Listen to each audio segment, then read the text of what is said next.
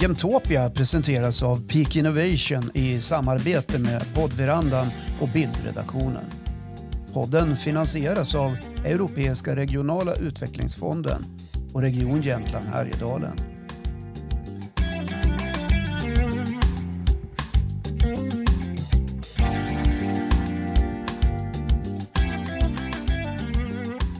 Välkomna till Jämtopia där vi idag ska ägna oss åt ett bolag som ingår i jämtländska Peaks accelerator för startups, nämligen Emulate, som har en produkt som optimerar energianvändning som ett led i att bidra till energiomställningen kan man säga. Välkommen Sean LaMay, en av grundarna till Emulate och välkommen också Håkan Lundqvist, studioproffs som bland annat håller koll på tekniken idag. Sean, du, ja, du sitter ju i Boston. Hur, hur är läget där idag? Helt okej. Okay. Lika kyligt som i Stockholm skulle jag tro. Det är väl ungefär minus 15 grader eller så. Håkan, Östersund, har du ungefär samma? Minus 6 och ja, Det lät ju inte så dåligt. Här i Stockholm är det snö och kring noll faktiskt. Jag tror att jag vann vädret eh, där.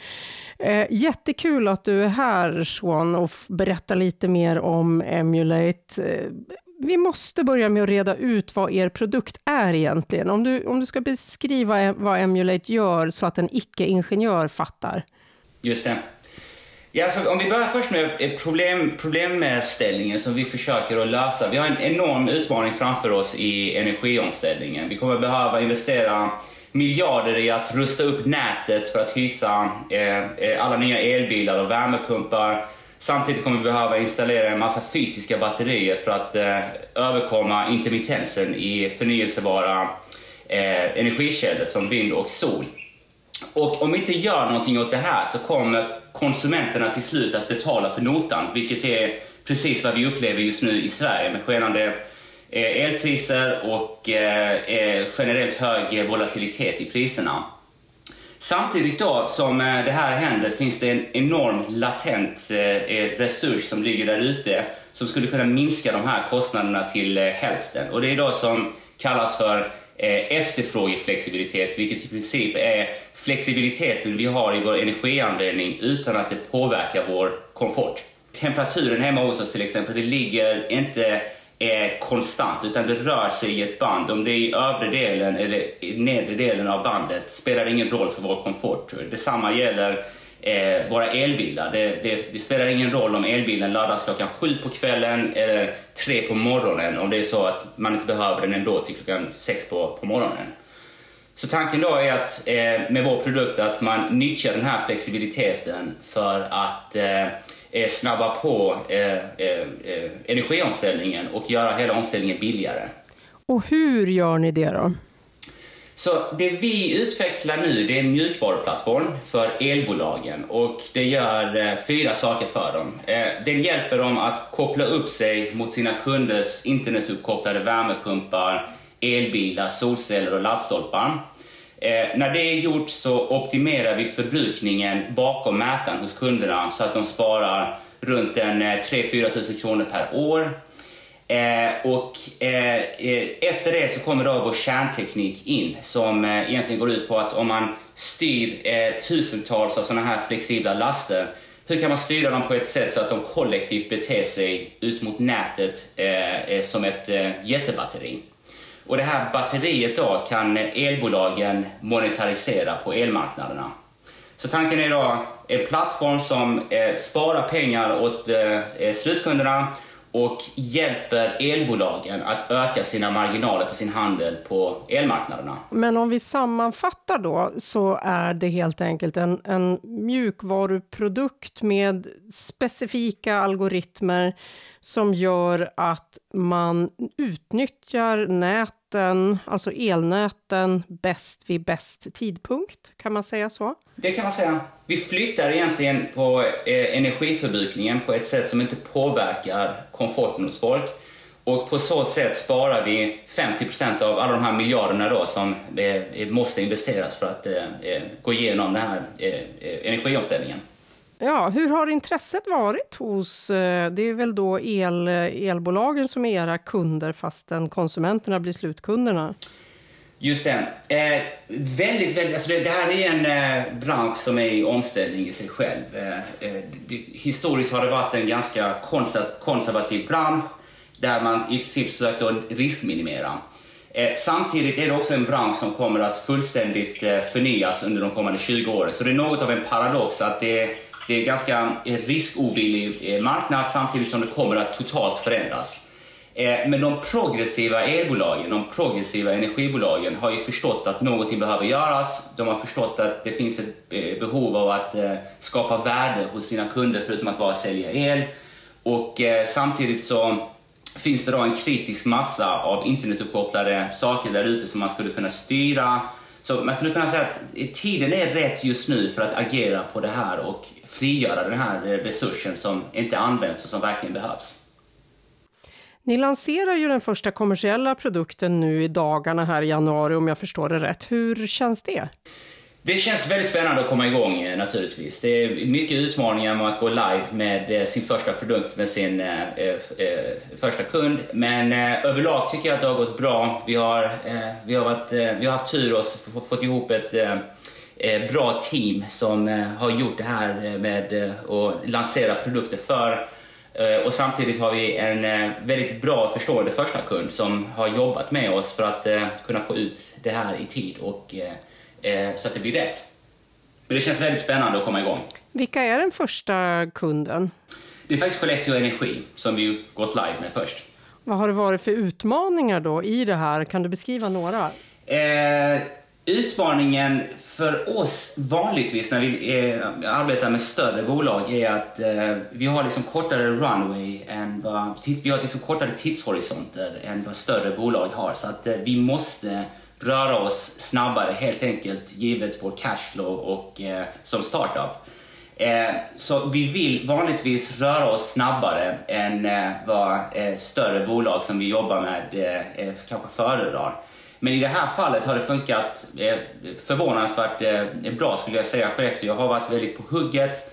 Eh, väldigt eh, eh, eh, eh platt, eh, eh, platt för liksom organisation, väldigt snabbrörligt. Så det har funkat bra överlag skulle jag säga. Naturligtvis mycket tekniska utmaningar som måste lösas på vägen, men det tycker jag att vi har lyckats bra med. Jag tänker på två saker. Det ena är att det här kan ge då en slags konsumentmakt för mig som slutkund, villägare eller om jag bor i bostad. Eh, och att det elbolag som hoppar på ert tåg också får en konkurrensfördel med tanke på hur det ser ut på elmarknaden. Precis, det, det, det, är helt korrekt. Eh, det, framtiden kommer ju bli, framtidens elproduktion kommer ju bli allt mer decentraliserad. Allt fler kommer ha solceller, allt fler kommer ha batterier som man kan eh, eh buffra upp eh, överskottsenergi som man själv producerar. Så eh, makten kommer ju med tiden onekligen förskjutas ut mot eh, konsumenterna. Och eh, elbolagen som inte inser det och försöker att hjälpa sina kunder att bli mer självständiga och e-, erbjuda tilläggstjänster istället. De kommer förmodligen då tyvärr att gå under och de som inser det här och ser det som en möjlighet kommer ju att lyckas väldigt bra och frodas i den här energimarknaden och energiekosystemet som håller på att formas framför oss. Hela den här mjukvaruplattformen och algoritmerna då grundar sig i forskning från både universitetet i Lund och i Boston där ni ju har kontor på båda platserna. Hur tänker ni geografiskt?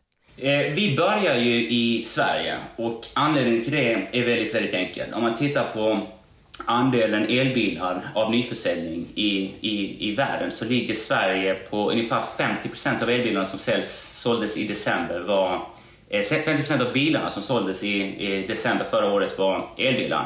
Om man tittar på USA är det 3% och tittar man på Norge är det 80% Liknande siffror ser man för när det kommer till värmepumpar. Så Sverige ligger ju verkligen i framkant när det kommer till energiomställningen. Och eh, det är här de här problemen först eh, eh kommer upp. Men när vi har löst de problemen så kan lösningarna exporteras till många andra länder som ligger lite, lite efter när det kommer till penetration av elbilar och eh, värmepumpar och även förnyelsebart. Så eh, för oss är det naturligt att börja i Sverige, inte bara för att det är hemmaplan, men också för att problemen är, utmaningarna är, är, har eh, liksom triggats ordentligt nu i Sverige för att vi ligger i framkant. Vilket vi bör ligga. på sikt kommer vi absolut att titta på den amerikanska marknaden och även andra marknader i, i Europa. Den här, den här forskningen då som eh, du och din kollega har hållit på med, berätta lite mer om den. Så tar jag min medgrundare då, eh, som också råkar vara min eh, barndomsvän från Lund, eh, han var eh, på MIT här i Boston i lite mer än två år och det han forskade inom var om du, kan, om du styr en flotta med eh, elbilar och eh, eh värmepumpar och AC-enheter och egentligen batterier bakom eh, mätarna hur kan man koordinera effektuttaget eh, i de här prylarna så att de ett, inte stör slutkunderna och två, så att man, de beter sig som ett jättebatteri ut mot eh, nätet. Eh, det var ju strikt eh, matematiska eh, modeller och algoritmer som eh, utvecklades då och Eh, sen så har vi då sen dess försökt att eh, ta det här till, eh, till verkligheten och det är mycket, mycket svårare än vad det, vad det är i en perfekt matematisk modell. Så det är då mycket av de eh, svårigheterna som, eh, utmaningar som vi försöker att lösa i vår nuvarande forskning i bolaget. Men det var vad, det var vad Emilet baserades på. Det var ett gäng matematiska modeller och eh, eh, algoritmer som funkar i en perfekt värld och som utvecklades här på MIT. Och nu ska vi försöka liksom ta det här till fältet i eh, Skåne och i Sverige. Ni är ju i en startup då, i en accelerator. Hur har samarbetet funkat med andra i, i acceleratorn? Ja, när, när det kommer generellt till acceleratorer och eh, eh, stöd till startups så tror jag att det finns, det finns en väldigt tydlig och bra anledning till varför Sverige tenderar att toppa listor på världens mest innovativa länder. Och jag känner ju det att när jag har en fot här i USA att stödet som ges till startups eh, är till och med mycket bättre i Sverige än vad det är i städer som Boston och San Francisco. Det finns mer riskkapital här i USA förvisso, men systemet i Sverige är, är fantastiskt på att stötta Eh, eh, startups i väldigt, väldigt tidig fas, se till att vi kommer i kontakt med rätt personer, se till att vi har de resurserna som eh, vi behöver. Så jag skulle säga att eh, innan jag hade det här perspektivet med hur saker och ting fungerar i i, en stad som Boston och San Francisco där det är väldigt, eh, väldigt mycket innovation så förstår jag inte hur snyggt det svenska systemet är upplagt. Där man ligger i framkant precis som det vi gör nu med energiomställningen. Där man ser till att man triggar behovet av innovation. Man ser till att eh, eh innovation, som, eh, innovation liksom frodas och liksom stöttas. Och när det är gjort, när problemen är lösta på hemmaplan, så kan man då eh, ge sig på exportmarknaderna. Så om jag jämför med USA eh, eh, sammanfattningsvis så tycker jag att det svenska systemet är bättre och funkar bättre. Och det ser man också i de här listorna, då, de här studierna som görs på världens mest innovativa länder. Det finns en anledning till att vi toppar dem. Och eh, nu håller ni på med då en investeringsrunda. Hur går det? Känns som att ni har ganska bra timing. Helt klart, helt klart. Det är ett hett område och det finns överlag mycket pengar på marknaderna just nu. Och vår timing kunde inte, inte, inte varit mycket bättre än vad det är. Eh, svårigheten tror jag inte ligger i att hitta investerare utan det ligger i att hitta eh, rätt strategiska investerare som eh, vi kan samarbeta med i vår eh, produktutveckling och, som kan hjälpa oss komma in på nya marknader. I första omgången hade vi väldigt mycket tur med att få med ett eh, företag som heter Utvecklingsklustret som är en gemensam investerings och digitaliseringsarm av fem svenska energibolag. Och de förstår branschen de, och de, de kan liksom hjälpa oss i vårt innovationsarbete. Så det har gett oss väldigt mycket tillbaka och det är liknande investerare som vi eh, eh, hoppas kunna i kontakt, komma i kontakt med och eh, ta in i bolaget i nästa omgång också. Det, vad, vad, ställer ni för krav på de som ska få investera hos er? Vad är drömmen? Drömmen är ju som sagt att det är strategiska investerare som bryr sig om spacet vi är i, alltså inte bara titta blint på avkastning. Eh, det andra är då att eh, de är aktivt engagerade eh, i det vi håller på med och eh, ser ett strategiskt värde av att vi lyckas, förutom att man kan tjäna pengar på det. Du var ju lite inne på det, att energibranschen är ju ganska konservativ och orörlig. Det är inte så att det finns så stor flexibilitet. Ändra får man el eller också får man liksom inte el. Vad, vad ser du för utmaningar i, i den världen som också har ganska låg riskaptit? Eh, det, där är en, eh, det där är en bra eh, fråga. Jag, som sagt så tror jag att eh, energimarknaden kommer totalt att eh, förändras. Och det kom, det, I och med att vi har en massa utmaningar framför oss, i och med att det är en konservativ bransch och i och med att allting kommer att förändras, eh, innebär det att det kommer finnas många vinnare, men det kommer också finnas många förlorare. Eh, eh, vi ser vår existens som att vi, vi försöker liksom effektivisera förhållandet mellan elbolagen och deras kunder. Så vi vill vara elbolagens bästa vän i den här energiomställningen som vi har framför, dem, framför oss och hjälpa dem egentligen att eh, hjälpa sina slutkunder att skapa värde och bli grönare medborgare. Och jag tror det är där i nyckeln eh, ligger. Att vi, eh, att vi försöker gemensamt lösa problem och de som lyckas lösa problemen kommer att frodas och de som inte ger sig på att lösa de här stora problemen vi har framför oss kommer tyvärr inte vara kvar om tio år.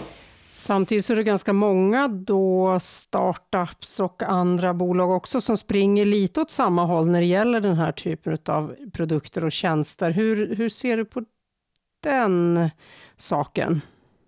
Jag tror det behövs. Vi har som sagt stora samhällsutmaningar framför oss och eh, de behöver lösas och det finns gott om problem att eh, eh lösa det, man skulle kunna säga att det, det, är bättre att folk jobbar på att lösa de här frågorna än mycket annat som vi håller på med om dagarna. En, en annan aspekt är att ingen vet egentligen hur den här energiomställningen kommer att sluta. Det finns en massa olika scenarier och varje startup i det här spacet som vi är i har positionerat sig och gjort egentligen strategiska bett på hur de tror att det kommer att eh, utkristallisera sig.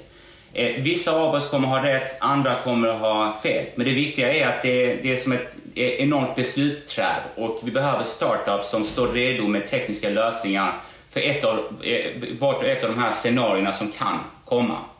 Det vi gör vår strategiska bett på är, är vi ganska ensamma om, eh, just nu i alla fall, borde jag tillägga. Så jag ser det bara som positivt att det är många som jobbar i det här spacet. Det tyder också på att det finns det finns problem att lösa och eh, det finns, eh, eh, eh det finns liksom pengar att tjäna också för, för bolag för att kunna göra det här på ett, eh, eh, på ett ekonomiskt tillgång, på, på ett ekonomiskt Samtidigt så är det ganska sätt. mycket konkurrens då kan jag tänka mig om de bästa personerna, största, ja, men, största hjärnorna och bästa ingenjörerna och teknikpersonalen eller, ja, i, i det här. Hur, hur jobbar ni för att få de bästa till er?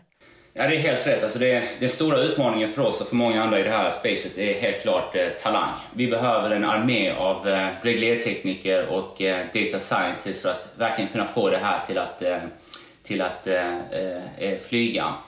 Eh, vi jobbar ju eh, ganska tight med både MIT här i USA och vi har bra kontakter också in på LTH och det är mycket via våra kontakter in i universiteten som vi försöker att attrahera eh, doktorander och postdocs för, för de här nyckelpositionerna som vi behöver tillsätta.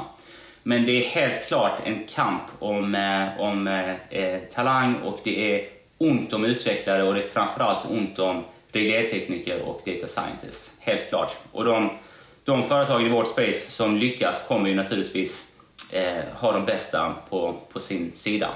Har du någon spaning där? Vad, vad, vill talangerna ha? Vad värderar de i ett bolag? Är det liksom kultur? Är det pengar? Är det utveckling? Jag tror att det är helt olika, men jag tror att de som söker sig till oss i alla fall, att de är intresserade av energiomställningen. De tycker att det är, det är intressant, inte bara för att vi löser ett stort problem, utan också för att det är intellektuellt är det är det en eh, utmaning och eh, det är, alltid, det är liksom alltid skoj att vara med om en eh, tillväxtresa där man kan göra gott på vägen. Så jag tror i alla fall att det är de, de vi ofta kommer i kontakt med, att det är det som lockar. Kulturen i företaget är naturligtvis också otroligt viktigt, att man har liksom frihet att jobba när man känner för det och ibland jobba där, där, där man känner ifrån att jobba så länge man, man bidrar. Hur har eh, pandemin påverkat er när det gäller att jobba hemifrån och att man inte kan resa mellan USA och Sverige till exempel? Alltså pandemin i grunden har inte varit positiv, men eh, för oss har det faktiskt fört med sig vissa bra grejer. Första reaktionen när vi körde igång var ju att nu ska vi starta upp ett bolag samtidigt som hela världen stänger ner. Eh, vi, det, det, vi trodde det skulle bli jättesvårt att få till det. Men pandemin gjorde också att vi började se lite annorlunda på hur vi kan bygga upp vårt team och, vi, och hur vi träffar potentiella kunder och intressenter i den här utvecklingsfasen. Idag har vi ett team på nio personer. Vi har huvudkontoret i Lund, men jag sitter då som sagt i Boston och eh, vi har folk som sitter i Prag, Indien, Filippinerna och eh, Brasilien. Det tror jag inte hade det varit fallet om, vi, om det hade varit innan pandemin där det förväntades sig att man skulle ha ett kontor och alla skulle gå in på kontoret och jobba varje dag. Det andra som eh, också var eh, en av andra fördelen som pandemin förde med sig var att eh, det visar sig att man, man behöver liksom inte alltid flyga kors och tvärs över världen för att träffa folk. Man kan istället för, för att ha kanske tre möten i veckan in person då, face to face, att istället kan man liksom ha tre möten i, om dagen om man kör det virtuellt. Och det var ju väldigt, väldigt viktigt för oss i utvecklingsfasen att vi kunde ha många möten med intressenter för att förstå vad problemen är på marknaden och eh, egentligen positionera och utveckla vår lösning genom att få väldigt mycket input från marknaden. Så både gott och ont skulle jag säga. Men eh, eh, för en startup så var det ju mycket positivare än vad vi först trodde. Var finns talangerna nu då? Du nämnde Indien till exempel. Var, var tittar ni efter talang? Vi tittar, vi vill ju helst växa, trots att det, liksom, det funkar med virtuella team och att pandemin har visat det, så vill vi ju fortfarande bygga upp en kritisk massa hemma i Lund. Eh, där vill vi ju ha ungefär 50 av vår eh, eh av, vår, eh, av våra anställda på sikt. Eh, en annan naturlig bas kommer ju vara Boston naturligtvis där jag är. Förutom de här två baserna då så tror jag att eh, vi är öppna för vem som helst, var som helst i världen så länge tidsskillnaden inte är alltför stor och så länge det går liksom att, att koordinera det givet eh, tidsskillnaderna. Så jag skulle säga att eh, 50% helst i Lund, ungefär 10-20% i Boston och resten är vi helt 100% eh, öppna med var, var folk sitter någonstans. Mm. Om vi tittar framåt nu då, idag när vi spelar in det här så är det den 21 januari 2022. Vad, vad händer hos er de närmsta veckorna? De närmaste veckorna ska vi förbereda oss för att gå live med vår andra kund. Och eh, vi ska samtidigt få in två exjobbare faktiskt i Lund som är väldigt, eh, det är väldigt spännande. Och det stora som händer är väl att vi fortsätter diskussionerna om vår nästa investeringsrunda som gör att vi säkrar det kapital som vi behöver för att, eh, för att kunna växa. Det är vad jag kommer på, men som sagt i en tidig startup så håller man på med tusen saker samtidigt alltid. Är det roligt då? Det är väldigt, väldigt skoj. Och om vi tittar på hela året 2022, vad är dina förhoppningar? Du får ha en önskelista här för 2022. Målsättningen är 10 kunder som vi har gått eh, live med. Eh, majoriteten fortfarande i Sverige och vi ska vara 15 anställda, varav hälften är i, i Lund. Och att vi har löst problem som inte har lösts än. Det är vad som är på önskelistan. Vill du berätta vilka problem det är som, som känns mest kritiska? I slutändan så handlar det egentligen om att lösa problem åt, åt eh, slutkonsumenterna. Även om slutkonsumenterna är inte våra Eh, eh, kunder, men så länge vi kan skapa värde för slutkunderna via elbolagen så, så lyckas vi. Och ett problem vi har framför oss just nu är ju skenande elpriser och volatilitet. Om vi, kan, vi kommer inte kunna lösa de problemen naturligtvis i år, eh, vi själva. Men om vi visar att det finns en väg att lösa dem och att det, här kan, det, det vi håller på med kan vara en pusselbit som passar in i det, då har vi lyckats. Mm. Tack så mycket Sean LaMay som var med här i Jämtopia, alltså en av grundarna till Emulate. Tack ska ni ha. Trevlig helg! Eh, och tack Håkan Lundqvist också.